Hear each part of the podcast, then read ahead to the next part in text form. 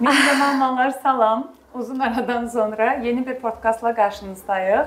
Qeyd edim ki, istədik ki, bu podkastı biraz Ninjanın öz mühitində çəkək. Ona görə də fərqli bir studiyadan necə deyirlər, sizi salamlayıram. Səyahətlərin bol olduğu bir ayda analar üçün olmazsa olmaz bir videolardandır. Qonağım pediatr Gülnar Abdullayevadır. Xoş gəlmisiniz. Salam. Çox təşəkkür edirəm. Necəsiz? Çox sağ olun. Çox təşəkkür. Bugünkü mövzumuz səyahət zamanı uşaqlarla nə kimi ə, dərmanlar götürək və nə kimi xəstəliklər ola bilər, onlarla bağlı aşırı suallar alırdım. Ona görə düşündüm ki, bunun ə, belə deyək, cavab verəni mən yox, elə məhz mütəxəssisi olsun. İlk öncə ondan başlayaq ki, ə, səyahət zamanı hansı təhlükələr gözləyə bilər? Mənə daha çox maraqlıdır. Gəlin bunu kateqoriya olaraq bölək. Tamam. 0-2 yaş və 2-5 yaş arası. Aha, ə, ümumiyyətlə mən ə, vaxt- birinci hər kəs salamlayıram. Təşəkkür edirəm dəvətiniz üçün. Ə, bizə də çox bu suallar gəlir. Ən çox suallar gəlir ki, Günel xanım biz səyahətə çıxırıq digər ölkələrə və özümüzlə nə götürək? Mən birinci iki sual verirəm. Hansı ölkəyə gedirsiniz Eynən. və uşağın yaşı nə qədərdir? Təbii ki, açıq deyim, 6 yaşdan aşağı uşaqlarla səyahət etmək bir qədər çətin ola bilər. Orqanizm hələ tam ə, formalaşmayıb və uşağın digər ölkəyə çıxışı, digər ölkə mühitini öyrəşməsi biraz çətin ola bilər. Amma ürəkli mamalarımız var, götürürlər. Deyir ki, məsələn üçün mən hamı ürəkli. Ümumiyyətlə valideynlərimiz iki formaya bölünür. Məsəl üçün 5 yaşa qədər heç uşağını yanında götürməyən və yaxud da elə doğumdan hər zaman uşağını öz yanında aparan. Biraz mən onu ananın xarakterinə, psixologiyasına, ailəyə bağlayıram. Yəni fərqlidir düşüncələr eynən, və hər hər kəsin də düşüncəsinə, seçiminə hörmətlə yanaşmaq lazımdır. Amma mən 6 ay, xüsusən yəni 3 ay dövründə e, biraz ehtiyatla davranmağı məsləhət görürəm. 0-6 ay, ümumiyyətlə 0-2 yaş belə deyim aralığında ən çox e, nəyə diqqət edəcəyəm? Mən e, birinci növbədə bütün yaş qruplarında valideynlərə deyirəm ki, ən birinci götürəcəyiniz dərmanlar siyahısına ağrı kəsici və ya qızdırma salıcı Eynən, aiddir. eynən, eynən. Yəni bizim istifadə etdiyimiz parasetamol və ibuprofen tərkibli belə deyək ad olaraq Panadol və ya Nurafin hər kəsin evində var. Başqa adlar da ola bilər. Yəni hər kəsin evində bu siroplar var. Yəni bu ikisindən birini xüsusən ən təhlükəsiz, 7 kilodan yuxarı çəkisi olan uşaqlara verilə bilən, bütün yaş qruplarında verilə bilən, ac qarnına verilə bilən parasetamol tərkibli sirop hər kəsin çantasında olmalıdır. Şamda ola bilər. Şamı niyə ehtiyatla deyirəm? Şam özü soyuducuda saxlanmalıdır və isti ölkəyə səyahət ediriksə o əriyə bilər və yaxud da getdiyimiz yerdə soyuducu olmaya bilər. Amma sirop daha rahatdır. Amma təbii ki, götürə bilsəz ikisini də götürə bilərsiniz. Siroplardan Mən ağrı kəsici, ikisini də götürürdüm. ağrı kəsici və ya məsələn üçün yıxıldı ağrısı var, böyük yaşlı uşaqda baş ağrısı var, qarında ağrısı var, qızdırması var, nəsə köp ağrısı var. Biz bunlardan istifadə edirik. Yəni birinci götürəcəyimiz dərman siyahısına bunlar aiddir. Əgər böyük yaşlı uşaqlardırsa, məsələn daha çox çəkisi varsa, o 9-10 yaşın üzəridirsə tablet də götürülə bilər, amma yenə də dozası mütləq doktorla danışmaq lazımdır. İkinci siyahımızda isə antiseptik məhlul və ya pambıq. Məsələn üçün antiseptik. Məsələn üçün e, tutaq ki, yıxıldı, e, harasa zədələdi. Sən daha çox dağ və dağ ətəyi rayonlara və ya elə ölkələrə səyahət eləyən e, dənizdə o, məsələn dənizdə yıxıldı, hovuzda zədələndi, Eynən. ola bilər sürüşdə ayağı yıxıldı. Əlimizdə ən gözəl antiseptik məhlul, pambıq, spirt olması çox əhəmilidir. Yaranı təmizləmək və yara bandının olması. Məsələn kiçik bir e, kəsikdir, yara bandının bağlanması, spirtli məhlulla yaranın təmizlənib üzəri bağlanması, yəni bu hər kəsin çantasında olacaq. Bu iki şey hər zaman olmalıdır bizim çantamızda. E, Çıxardıb tez kömək eləmək üçün ağrısı varsa ağrı kəsici verməyəcək. Yəni bunun üçün doktora müraciət eləməyə ehtiyac yoxdur və getdiyimiz bölgələr turistik bölgə olduğu üçün aptek və yaxud tapmaq, təcili tibbi yardım ə, otağı tapmaq çox çətin olur. Ona görə ən azından ilk tibbi yardım bunu edə bilərik. Mənim yadıma gəlir ki, bizim başımıza Dubayda gəldi. Həm mənim, əsas mənim qulağım irindirdi. Hə, hə, Qulağımı hə, deşdirmiş. hə, hə. Yadınızdadır Bəli, bəli, bəli, hə. Gecə ilə müdaxilə Hə, hə, elədik. bəzi şeylər dedik. Eynən, Aha. yəni heç nəyi götürməmişdim və ə, bəxtim onda gətirdi ki, Dubay elə ölkə, elə şəhərlərdəndir ki, orada ə, reseptlə aptek ehtiyac olmur. Aa, çox yaxşı. Amma baxın, Yəni elə bir ölkə ola bilərdi ki, yəni çox maz üçün yalvarardım Bəli. Təsəvvür edin ki, elə ölkələr var ki, yəni antibiotik, ümumiyyətlə antibiotika heç bir zaman telefon üzəri yazmaq olmaz. O başqa bir mövzu. Amma ə, bəzən məsələn işte biz istəsək də tutaq ki, dedik ki, bizə antibiotik sirop lazımdır. Onu gedib adi aptekdən bizə Türkiyə kimi ölkədən ümumiyyətlə ala Mən məsəl üçün bilməzsən. Augmentin düşünürəm ki, Türkiyədən heç, Heç bir zaman alına bilməzsən. Orda ağrı kəsici qızdırma sadəcə Calpol Dolvendir. Onlar onları ala bilərik. Bəzi yerli antiseptik məhlullar ala bilərik, amma get Augmentini al falan dozada ver. Ümumiyyətlə onun deyilməsi də düzgün Eynən, deyil, alınması mümkün deyil. Mən çox şanslı oldum o mövzuda. Çünki Augmentin aldım, an- Tablet. antibiotik Antibiotik tableti ki, qulağımın irindən şeyləsin. Ə, Sonra nəsə qulağıma maz idi. Məncə də yerli bir antiseptik, antibakterial maz idi, bir də antibiotik idi. İndi biz onu müdaxilə edə bildik, amma uşaqlarda bu qədər şanslı olmaya Eynən, bilərik. eynən. Ona görə də belə deyim də səyahətlər zamanı mən hər zaman deyirəm ki, mütləq şəkildə həm də tibbi sığortanız olsun. Məndə məsəl üçün problem nə idi? Məndə getdiyim gün olmuşdu deyə bəxtimdən və 24 saat keçməlidir. Aa. Və bunu da bilmirdim. Yəni e, sığorta yazılan gündən mən son gün yazmışdım və sığorta yaz- yazılan gündən 24 saat alt ə- ərzində aktivləşir. Bir də məndə burada baş vermişdi proses, burada başlamışdı və getmişdim orada pisləşmişdi. Aa, Ona görə də sığorta ümumiyyətlə qarşılamadı. O mənim səhvim oldu ki, dedim ki, mənim öz ölkəmdə baş vermişdi. Gərək deyərdim ki, elə orada olmuşdu. Buradan da bir life hack vermiş oldum. Bəs e, belə bir şey soruşum. 2-5 yaş arası uşaqlarda daha çox belə deyək də ilkin müdaxilə necə ola bilər? Yəni misal üçün ə, uşağın bir ə, qolu burxuldu ya nəsə ə, belə deyək də yıxıldı. O Sərhəddə ə, baxın, o ə, məsələn üçün əgər yıxılma və ya burxulma elə bir əlamətlər varsa, biz valideynə ilk növbədə nə deyirəm? Ağrı kəsicimizi ver, yenə də bu siroplardan. Amma bir diqqət edin, ətrafını hərəkət edə bilirmi? Ətrafını hərəkət etdirirmi? Və yaxud da ödem, yəni şişkinlik varmı, qanama varmı? Yəni şişkinlik getdikcə artırsa və hərəkət etdirə bilmirsə, artıq bu olmazsa olmazımızdır. Mütləq orada təcili yardıma müraciət olunmalıdır. Amma ağrı kəsici verdikdən sonra ətrafını hərəkət elətdirirsə, heç bir ödem, şişkinlik əmələ gəlmirsə, qorxmayacaq. Yəni o zaman xüsusi bir müdaxiləyə ehtiyac yoxdur.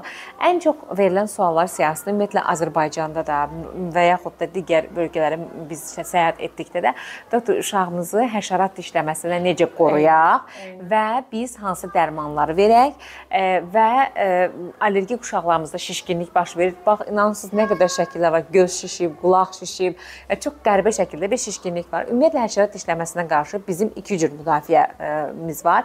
Birinci toka taxılan o e, xüsusi maddələrdir ki, onlar buxarlanır tok vasitəsilə və havadakı ağcaqanadları öldürür. İkincisi dərimizə vurulan losyon spreylərdir. Çox mübahisəli bir məsələdir. Biz bu suala belə cavab veririk ki, deyir onların tərkibində xüsusi maddələr vardır. Hansı ki o maddələr ə, kənd təsərrüfatında zərərli həşəratları məhv etmək üçün istifadə olunan maddələrin eynidir. Və bu da sinir sisteminə, xüsusən də ə, bizim ə, beynimizə təsir edə bilər. Ona görə də 6 aydan aşağı, 1 yaşdan aşağı uşaqlara qəti surətdə verilməsi tövsiyə edilmir. Bəs necə qoruyaq? Losyon spreylərdən istifadə edərəksə də təbii tərkibli losyonları, spreyləri, kremləri özümüzlə Buna götürməliyik. bir neçə nümunə verə bilərsinizmi? Hansı markalardan? Xüsusi markalardan ən çox uşaq ə, belə deyim, uşaq üçün geyim ə, və ə, kosmetik ürünlər, kosmetik vasitələr istehsal edən, məsələn, Chicodur və yaxud da ə, başqa firmalar, Bübxendə var, Bübxendə var. Ola bilər, yəni müxtəlif firmalarda xüsusi uşaq üçün kosmetik vasitələr istehsal edən firmalarınki ola bilər. Hansı ki deyilir ki, onların həşərat qorumalarına qarşı verilən kosmetik vasitələrində o maddələr yoxdur. Yəni onlar dəriyə aşındırıcı təsir eləməyiblər. Tutaq ki, etmədik, etə bilmədik, qoruya bilmədik, keçdi.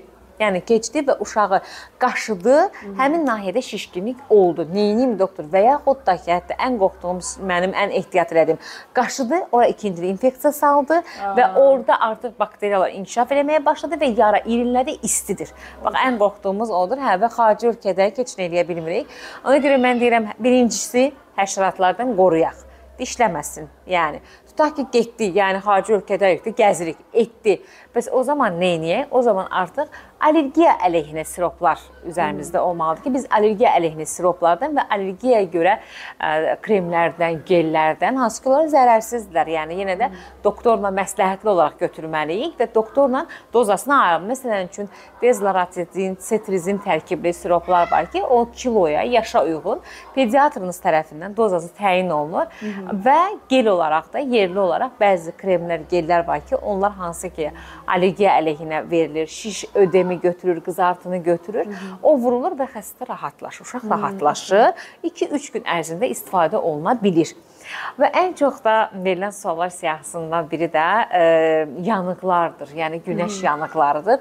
Doktor getdik, axı onlarla bizim e, məsələn üçün ölkə günəş fərqləri bucağı, var. Günəş e, günəş bucağı, hə e, günəşin e, dəriyə təsir etməsi -hı. və biz burada öyrəşmişik. Məsələn, dəniz sahilinə getməyə, bunlar ölkə xaricindədirlər. Deyir ki, məsələn, orada qaralmaq daha daha sürətli baş verir. Necə qoyaq? Birincisi günəşə çıxma vaxtlarımıza fikir verəcək. Nə mənada? Yəni 11:00 16:00 arası girmək olmaz. E, dənizə girmək olmaz, hovuza girmək olmaz və yaxud da ki, günəş altında gəzmək olmaz. Ehtiyat edirik. Ən maksimumda 12:03 arası heç gəzmək olmaz. Tutaq ki, uşağın 11:00, 16:00 arası keçməlik, amma gəzirik. Mütləq SPF kremlər əlimizdə olmalıdır. Yəni SPF kremlərimiz kremsiz ümumiyyətlə xarici ölkəyə, xüsusən dəniz bölgəsinə getmək olmaz. Ümumiyyətlə məncə SPF krem, kremsiz hərəkət etmək olmaz. Olmaz, amma qışda belə SPF kremini istifadə edirik. 6 aydan aşağı uşaqlara istifadə olunmur. 1 yaşdan aşağı uşaqlara isə 6 ay, 1 yaş və ya 1 yaşın üzəri 5 yaşa qədər SPF 50 və onun üzəri istifadə olunmalıdır. Tutaq ki, 2 saatdan çox gəzdiksə, mütləq 2 saatdan sonra yenilənməlidir və günəşə çıxmamışdan yarım saat öncə dərimizə çəkilib sonra günəşə çıxmalıdır. Ya yarım saatdan Amma, 20 dəqiqə. Hə, yarım saat. Tutaq ki, baş verdi, günəş yanığı baş verdi. Biz o zaman nə etməliyik? O zaman Pantenol ə, e, adlı spreylərdən Hı -hı. hansı ki onlar yanıqlara qarşı, hə. Onlardan istifadə edə bilərik, amma ən ə, e, çox ağrıdır, çox incidir uşaq. Uşaq ağlaya bilər, sızlaya bilər, iştahsız ola bilər, yeməkdə imtina edə bilər. Maksimum dərəcədə qayda qanunlara riayət edib uşağa günəş yanığı olmasın. Yəni günəşin e, dərini yandırmağına icazə verməməliyik. Bəs əlimizdə Pantenol yoxdursa, məsəl üçün qatıq ənənəvi qaydada da qatıqdan istifadə edə bilirik. Əslində yazır ki, diş məcunları yağlarıdır, sonra ə, e, digər maddələrdən istifadə etməməyi məsləhət görürük. Amma heç bir şey olmadıqda sərin su ilə, adi sərin su ilə vura bilərik ki, uşaq rahatlıq və qəti surətdə heç bir halda, heç 8-də də, 10-da da belə, səhər saatlarında belə, axşam saatlarında günəşə çıxmağı tövsiyə etmirik.